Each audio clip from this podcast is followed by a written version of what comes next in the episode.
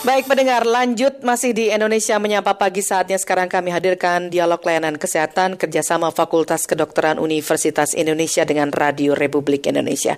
Ada topik bahasan apa? Kami akan ajak Anda pendengar untuk bahas seputar kanker kandung kemih. Seperti apa gejala awalnya, bagaimana peran pemeriksaan patologi anatomi. Kami akan berbincang bersama Dr. Monik Ediana Miranda, SPPA, dari Departemen Patologi Anatomi, Fakultas Kedokteran Universitas Indonesia. Dialog Kesehatan. Ya, Dokter Moni Ediana Miranda, apa kabar? Salam sehat. Baik, kabar baik. Salam sehat juga. Selamat pagi, Mbak Esti. Iya, selamat pagi. Dokter Moni, uh, kalau bicara soal kanker kandung kemih, ini nanti tentu akan bicara tentang banyak hal, gejala, penanganannya, dan sebagainya. Tapi uh, kita apa jelaskan dulu ya sebenarnya yang disebut sebagai kanker kandung kemih itu yang seperti apa dan seperti apa sih resiko-resiko yang uh, dialami oleh seseorang yang difonis kanker kandung kemih ini, dokter? Baik, terima kasih, terima kasih atas kesempatannya. Uh, mungkin kita ya kenalan dulu mungkin ya. Kanker kandung kemih itu jadi suatu bentuk keganasan yang berasal memang dari kandung kemih, dari saluran perkemihan kita di apa sisi kandungnya nih yang biasa menyimpan uh, urin kita, yang men menyalurkan juga dari si kandung kemihnya ke bawah itu dia uh, wadahnya. Nah ini yang mengalami keganasan. Faktor resikonya itu cukup banyak sebenarnya, dan kita sudah uh, banyak mengidentifikasi faktor-faktor resiko yang terkait yang uh, akan meningkatkan kejadian keganasan ini. Hmm. Yang paling utamanya itu adalah kaitannya dengan merokok terutama itu uh, lain-lainnya yang faktor risiko yang juga uh, beresiko untuk keganasan di antaranya adalah uh, pajanan terhadap bahan kimia misalnya terutama dengan pekerja-pekerja yang berhubungan sering uh, lama dengan zat warna apa bahan-bahan kimia atau radiasi seperti itu. Hmm, ya. Jadi ini rata-rata menimpa laki-laki atau perempuan ini? Ya, karena faktor resikonya itu paling utama adalah merokok dan pajanan bahan kimia. Hmm. Menurut statistik itu paling sering memang lebih uh, ditemukan pada laki-laki. Uh, bahkan uh, dia itu bisa resikonya dua banding satu. Uh, yang terakhir ini tiga banding satu di laki-laki banding hmm. wanita. Oke. Okay. Ya, Jadi, uh, tapi kasus pada perempuan ada juga ya? Ada juga, ada hmm. juga. Hmm. Baik, ketika seseorang menderita kanker kandung kemih itu makanya biasanya implikasinya seperti apa itu dokter? Baik, uh, yang paling sering itu adalah uh, ketika uh, urin atau air kencingnya itu uh, ada darah, jadi kita melihat ada warna merah, merah yang segar, dan yang khasnya itu uh, pengeluaran atau perubahan warna ini tidak disertai rasa sakit, jadi justru uh, tidak uh, tidak ada nyeri di situ. Kalau misalnya biasanya kan yang sering ini adalah infeksi saluran kemih ketika berkemih disertai sakit. Nah, yang justru adalah khas pada keganasan kandung kemih adalah ketika kita uh, temui perubahan warna tapi tidak ada nyeri. Nah, kalau udah seperti ini, udah harus dicek tuh uh, minimal ke dokter untuk dilihat ada apa hmm. Okay. Ya, jadi sebenarnya kan ada tanda-tanda awal ya ketika kemudian seseorang sampai pada tahap dia disebut mengidap kanker uh, kandung kemih ini, dokter. Ada seperti misalnya, oh. kan kadang kalau kita ada infeksi saluran kemih itu kan sering di warning ya, hati-hati misalnya, jangan-jangan ini infeksi. Apakah itu nanti kalau dibiarkan bisa berlanjut menjadi kanker itu, dok?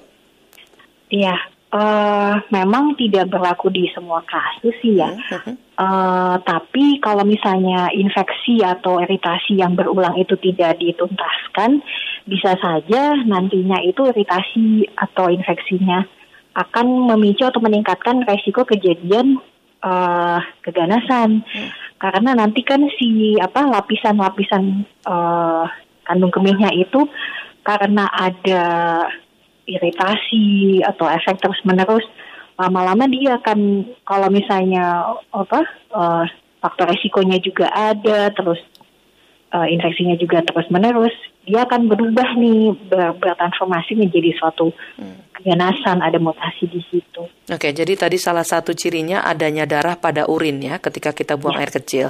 Um, Terus misalnya ada gejala-gejala awal apa lagi dokter? Nyeri atau misalnya apa pegal punggung? Uh, kalau orang Jawa itu sering nyebutnya apa? Anyang-anyangan ya? Jadi susah misalnya buang air kecil. Ah, Itu termasuk tanda-tanda atau bukan itu dok? Ya, eh, yang khasnya itu justru adalah kalau eh, tidak eh, kencingnya berdarah tapi tidak ada nyeri. Beda dengan yang anyang-anyangan infeksi itu. Oh beda ya? Oke. oke. Mm, nah, tapi kalau misalnya eh, di, di dicuekin gitu ya, eh, takutnya nanti eh, apa namanya berlanjut nih. Biasanya nyeri eh, nyeri panggul atau benjolan pada perut bagian bawah itu tanda-tanda yang sudah masuk ke gejala yang lebih lanjut. Hmm, Oke, jadi termasuk kalau misalnya buang air kecil sering itu bisa jadi gejala atau tidak? Jadi lebih daripada biasanya gitu sering ke kamar mandi untuk buang air kecil dok? Ya, eh, itu memang sa- eh, gejala yang awal dan tidak spesifik. Oke. Tapi kalau misalnya itu sudah eh, terlalu sering kejadiannya, lalu kalau misalnya kita udah merasa udah berobat nih, Hmm. kok itu lagi itu lagi, eh, mungkin memang sudah saatnya kita cek untuk lebih lengkapnya. Hmm, baik. Eh, diceknya dengan cara apa ini biasanya dokter untuk mengetahui ini kanker kandung kemih atau bukan? Baik, paling umumnya itu yang tidak ada tindakan kita eh, mengumpulkan sam- sampel dari kandung eh, dari urinnya. Jadi kita mengumpulkan air kencing kita. Itu yang paling paling awal deh, yang screening awalnya. Oke, Eh, artinya kan sebenarnya tes ini dilakukan sebagai bentuk tes analogi pat- eh, apa patologi anatomik untuk mengidentifikasi sebenarnya ada apa pada eh, air apa urin kita, kemudian kira-kira penyebabnya apa begitu dok? Betul, betul Oh, sekali. oke. Itu pemeriksaan yang paling Hmm, awal kita baik. bisa cek. Eh, itu biasanya kalau misalnya untuk deteksi-deteksi awal harus ke dokternya ke dokter eh, spesialisnya apa ya berarti kalau untuk eh, kanker kandung kemih ini? Oke, eh kalau misalnya kita punya asuransi, misalnya BPJS, itu biasanya sih pasti di eh, tahap yang awal ya, sesuai dengan urutan-urutan rujukannya. Biasanya kalau misalnya itu udah ada alurnya nih, eh, kalau misalnya memang butuh untuk pemeriksaan lab, yang paling umum itu adalah tadi eh, dicek urinnya, diambil pemeriksaan sitologi, kalau misalnya dari situ ada indikasi eh, yang lebih harus diteliti lebih lengkap, dia akan merujuk. Bisa bisa spesialis mana pun, tapi biasanya eh, nantinya akan diarahkan ke urologi, spesialis urolog. Oke, ini nama tesnya ada nama khusus tidak untuk penyebutan tes untuk eh, deteksi ini?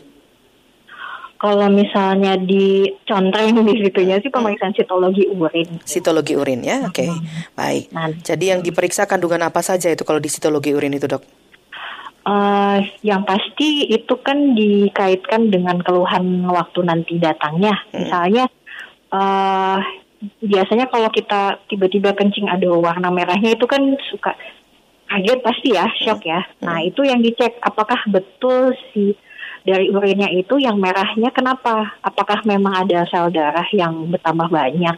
Nah biasanya dicek apakah memang ada sel darah, berapa banyak kuali, kuantitas dan kualitasnya. Lalu eh, kira-kira kalau misalnya eh, ada keluhan tadi anyang-anyangan, apakah betul ada bakterinya atau enggak? Nah, kalau misalnya dari situ udah ada screening, biasanya nanti dilanjutkan tuh di teropong, ada sitoskopi. Itu biasanya lahannya spesialis urolog. Oh, Apakah ya. memang betul ada benjolan atau enggak? Benjolannya seperti apa? Nanti diambil samplingnya, dikirim ke lab kita. Oke, Kota Lagi. saya ke Boyolali ada pendengar kami ada Pak Udin, silakan Pak Udin. Selamat pagi, Assalamualaikum Ya, Waalaikumsalam warahmatullahi wabarakatuh. Silakan Pak. Ya, Iya Bapak, Ibu Dokter. Eh, kalau kita mengetahui kencing warna merah kayak gitu, Bu, tah- langkah pertama apa yang kita lakukan sebelum ke dokter gitu? Apa ada obat khusus obat warung gitu mungkin yang bisa dikonsumsi? Demikian terima kasih. Baik, terima kasih kembali. Waalaikumsalam. Nah, ini ah, bisa nggak ngobat-ngobatin sendiri gitu, Pak Udin di Boyolali. Ya, untuk pendengar yang lainnya silahkan kami buka ruang konsultasi kesehatan kali ini masih bahas tentang kanker kandung kemih. Anda bisa bergabung bersama kami, langsung berbincang bersama Dr. Monik Ediana Miranda, SPPA dari Departemen Patologi Anatomi. Saya ke penelpon berikutnya Bu Indra di Cirebon. Bu Indra, singkat ya Bu. Ya. Silakan ke Dr. Eh, Monik. Ya. Ya. Assalamualaikum dok. Waalaikumsalam. Ya, saya hanya ingin bertanya, apakah itu mempengaruhi maaf gairah atau eh, apa seksual itu? Baik, terima Maaf, kasih. Mbak Sri. Oke, aman Bu, aman. wabarakatuh. Kita kan bicara hal yang sifatnya ilmiah, jadi nggak masalah, nggak tabu bicara soal ini. Ya, silakan ditanggapi dulu, Eh, Dokter Monik. Mari kita juga tunggu kontak ataupun telepon maupun WA dari pendengar yang lain dalam perbincangan kali ini. Silakan Pak Udin dan Bu Indra tadi. Baik, terima kasih. Eh, selamat pagi Pak Udin ya dari Boyolali. Kalau misalnya untuk obat warung biasanya sih terbatas sekali penggunaannya minimal itu untuk mengurangi rasa nyerinya. Tapi kalau misalnya sudah kita temukan perubahan warna, apalagi warna merah yang drastis, yang segar begitu, saya sarankan sih eh, dilihat berobat. Kalau misalnya memang eh, susah eh, terjangkau dari spesies olorok minimal ke puskesmas dulu lah yang yang yang dekat-dekat di situ. Kalau misalnya memang ini membahayakan, jadi kita bisa mengetahui dari dini dari awal. Mungkin gitu ya. Mhm. Oke, tapi eh, ini memang kemudian jadi kebiasaan ya. Kadang kalau misalnya ada apa gitu kan kita langsung minum painkiller ya dokter ya. Em, itu Eh, bahaya tidak juga kalau kemudian bisa memperburuk eh, kondisi kanker eh, kandung kemihnya. Kalau misalnya painkiller atau obat pengurangan rasa nyeri itu kan memang dia bekerja pada saat itu. Jadi nyerinya yang berkurang itu memang memberikan rasa nyaman. Tapi cuman sementara ya. Ah, Iya, sayangnya itu menutup nih sebenarnya sebabnya apa sih? Hmm. Eh, sayangnya ya itu dia kalau misalnya kita berhenti di situ takutnya ada sesuatu yang lebih serius yang harus kita ketahui dari awal. Kan sayang ya kalau misalnya kita terus-terus minum obat nyeri di situ saja tuh paling sekitar berapa 8 jam atau 10 jam nyerinya udah nanti ada lagi kasihan nanti jadi nggak bisa Baik. kerja. Oke, Pak Hari di Jakarta ini juga sudah bersama kita. Pak Hari silakan Pak. Selamat pagi dokter. Halo, Selamat selamat pagi. dokter. Silakan. Oh, dok, saya dirawat pernah dirawat di rumah sakit. Pak Hari boleh dikecilkan dulu volume radionya biar enak ngobrolnya. Iya, Nah, kita tunggu. Udah. Silakan. Sudah, Pak, silakan. Saya pernah dirawat di rumah sakit di kurang enam hari. Pertama karena tipes, terus lalu dikatakan kena TB. TB saya dimasukkan ke ruang eh, COVID. Ya, setelah keluar sebulan atau dua bulan yang lalu, saya tiap malam itu setiap setengah jam sekali tuh ngencing-ngencing terus dok. Apa Ke akibat terlalu banyak minum obat? Apa obat yang saya minum ini sekarang memang benar pengaruh gitu loh dok? Obat TB itu dok. Ya, baik. Sekian aja terima kasih. Tapi tidak ada darah ya, Pak ya? Enggak, tapi merah, warnanya memang merah, memang pengaruh dari obat. Mhm, baik, terima kasih banyak Pak Hari di Jakarta pertanyaannya. Ini sudah konsultasi kasus yang dihadapi Pak Hari.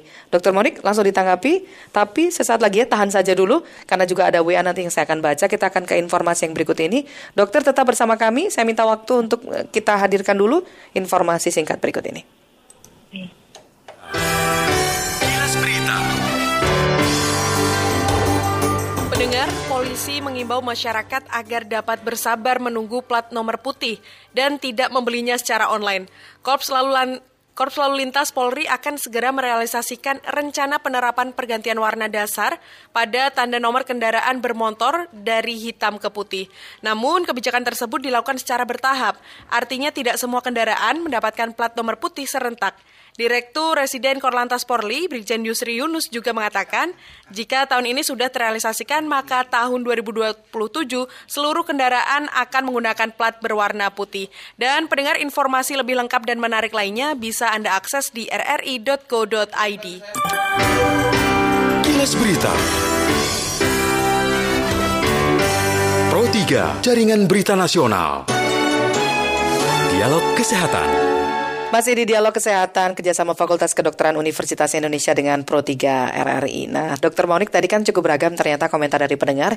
Ini ada juga yang bergabung lewat WA tanya soal apakah kalau saya sering ke toilet dan air kencing saya warnanya keruh bisa mengarah ke tanda-tanda uh, apa ini kanker kandung kemih ya. Kemudian ada juga yang bertanya soal kalau perempuan apakah tanda-tandanya sama dengan laki-laki kalau terkena kanker ini. Ya, silakan dokter ditanggapi dulu dok. Baik, uh, yang mana dulu nih? Hmm, Mungkin uh, penelpon dulu, saya, penelpon dulu. Ya. Ya, yang tadi ibu yang pertanyaan kedua ya. Hmm, Bu Indra, ya. apakah ini berpengaruh pada gairah uh, seks ya? Okay. Ya, Bu Indra. Baik, uh, terima kasih atas pertanyaannya. Uh, sebenarnya itu jalurnya cukup berbeda, tapi memang uh, ada satu waktu di mana itu mungkin bisa akan mempengaruhi, tapi harus dilihat dulu Eh, tiap-tiap uh, kasusnya hmm. nggak bisa kita pukul rata. Jadi memang kalau misalnya ibu sudah butuh konsultasi, silahkan dikonsultasikan ya Uh, di, dilihat, dilihat betul-betul hmm. uh, apa yang menjadi sebabnya. Baik. Kemudian kasusnya Pak Hari tadi um, ya. sering buang air kecil, tetapi warnanya merah. Apakah ada pengaruhnya dengan obat TB yang dikonsumsi? Ya, baik. Terima kasih ini ada kaitannya betul. Uh, jadi memang ada obat-obat yang memberi warna atau mengubah warna pada uh, urin kita. Salah satunya adalah dari obat TB. Justru itu berarti menandakan bahwa obat TB yang Bapak konsumsi memang uh, sedang bekerja. Hmm. Dan kalau misalnya kita lihat frekuensinya, uh, kita lihat dulu kalau misalnya uh, ini masih dalam awal-awal masih bisa ada penyesuaian.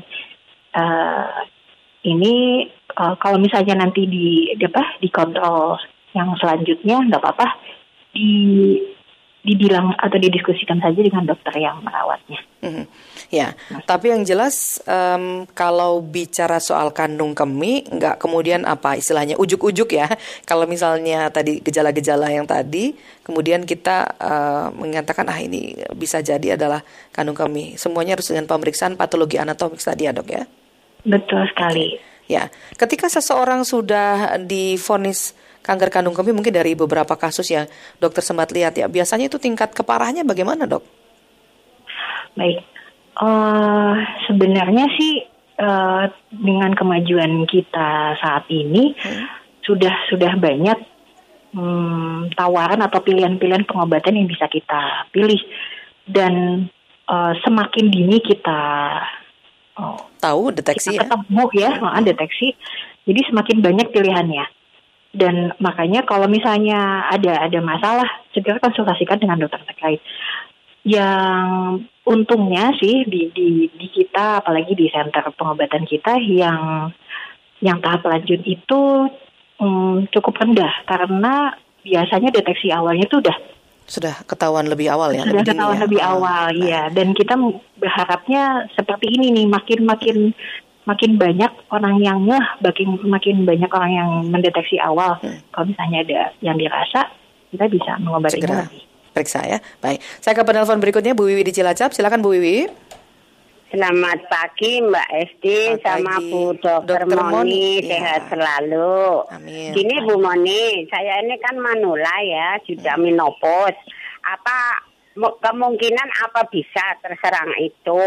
Hmm. Juga karena kan seorang ibu menopause itu kan sudah masalah seksual kan juga ubah jauh. Hmm. Nah, saya ingin tahu apa bisa terjangkit seperti itu Bu Moni. Terima kasih. Salam sehat untuk Ibu semuanya. Baik, terima kasih kembali Bu Wiwi di Cilacap. Clear kembali. pertanyaannya. Silahkan langsung ditanggapi dulu Dokter Moni. Baik, terima kasih. Uh, sebenarnya sistem antara reproduksi dengan sistem urogenital perkemihan itu uh, punya punya jalannya masing-masing hmm. dan uh, diceknya berbeda dan kalau misalnya uh, apa di sini keluhan keluhannya itu akan akan munculnya berbeda kalau misalnya di kanker kandung kemih biasanya munculnya itu gejala yang utama atau yang dirasakan awal-awal ada tentang per perkemihan hmm. kalau misalnya uh, kita uh, bicara atau ten apa ke yang reproduksi itu hmm. biasanya beda lagi nanti gejala yang di uh, hadapinya atau di itu posisinya rasanya. berarti di bawah perut ya? Ya. Hmm. Oke, jadi kalau sudah ada sesuatu yang berbeda, rasa-rasa yang berbeda di area-area tersebut, memang kita uh, patut untuk curiga begitu. Tapi kalau secara fisik, nggak kan kadang kalau misalnya kita uh, tumor apa gitu kan bisa ada pembengkakan, ada bentuk yang berubah. Kalau kandung kemih ini secara fisik ada yang berubah tidak dokter? Uh, sayangnya kalau misalnya kita hmm. sudah ketahuan ada benjolan di pinggang bawah, itu hmm. sudah menandakan stadium yang lebih lanjut sih mbak. Oh ada benjolan seperti apa misalnya benjolan itu? Yang kita rasa misalnya di, di di pinggang bagian bawah. Pinggang atau bawah hmm, hmm. di pinggang bagian bawah, di belakang, hmm. di, di bagian bawah. Itu berarti malah sudah stadium lanjut. Stadium yang lebih lanjut. Oke. Okay. Hmm. Penanganannya biasanya gimana dengan kemoterapi dok? Ya, kalau misalnya uh, pertama kan uh, tadi sudah apa dicek urinnya, lalu diteropong ada benjolan atau tidak lalu uh, dilihat nanti uh, misalnya uh, pencitraannya lagi-lagi udah sampai sejauh mana. Hmm. Dari situ akan ditentukan tindakannya butuhnya apa. Apakah cukup uh, dengan uh, kemoterapi atau butuh tambahan tindakan operasi. Hmm. Kalau operasi berarti yang diangkat apa saja itu? Yang dioperasinya itu kalau misalnya dibutuhkan si kandung kemihnya diangkat. Oh, ketika kandung kemih diangkat, maka maka nanti akan uh, fungsi dari penyimpanan uh, urin atau kemihnya itu akan digantikan. Hmm, baik, baik. Ya, jadi belajar dari apa yang kita perbincangan pagi ini, maka apa yang sebenarnya perlu kita lakukan untuk supaya bisa cepat ditangani tadi dokter, supaya nggak terlambat, nggak sampai kemudian ada pengangkatan dan sebagainya dokter? Ya, uh, kita balik lagi dengan apa yang bisa kita lakukan? Kalau misalnya kita sudah tahu fotoresistimnya itu merokok, apakah bisa kita uh, cobalah kita kurangi atau kalau kalau bisa uh, di stop merokoknya atau kalau misalnya kita tahu pekerjaan kita itu berkaitan dengan kimia-kimia yang karsinogenik, apakah bisa kita mengurangi atau melindungi hmm. atau membuat sistem untuk perlindungan seperti itu? Atau kalau misalnya memang uh, kita sudah tahu nih kalau misalnya ada apa urin yang merah drastis warna merah dan tidak ada nyeri hmm. itu sesuatu yang harus kita uh, warning gitu ya oh ini ini nggak beres nih kita segera cek nggak usah di uh, tunda-tunda dulu gitu. Hmm, baik ya Terima kasih Dr. Monik sudah bersama Pro 3 RRI dalam perbincangan dialog suara kesehatan uh, kali ini. Semoga ini menjawab juga tadi beberapa pertanyaan yang sudah disampaikan oleh pendengar. Dan salam sehat selalu Dr. Monik, kita akan ketemu lagi lain kesempatan. Ya, terima kasih. Terima, terima kasih, kasih kembali. Mari, demikian tadi Dr. Monik Ediana Miranda, SPPA dari Departemen Patologi Anatomi Fakultas Kedokteran Universitas Indonesia dalam Dialog Kesehatan Pro 3. Dialog Kesehatan.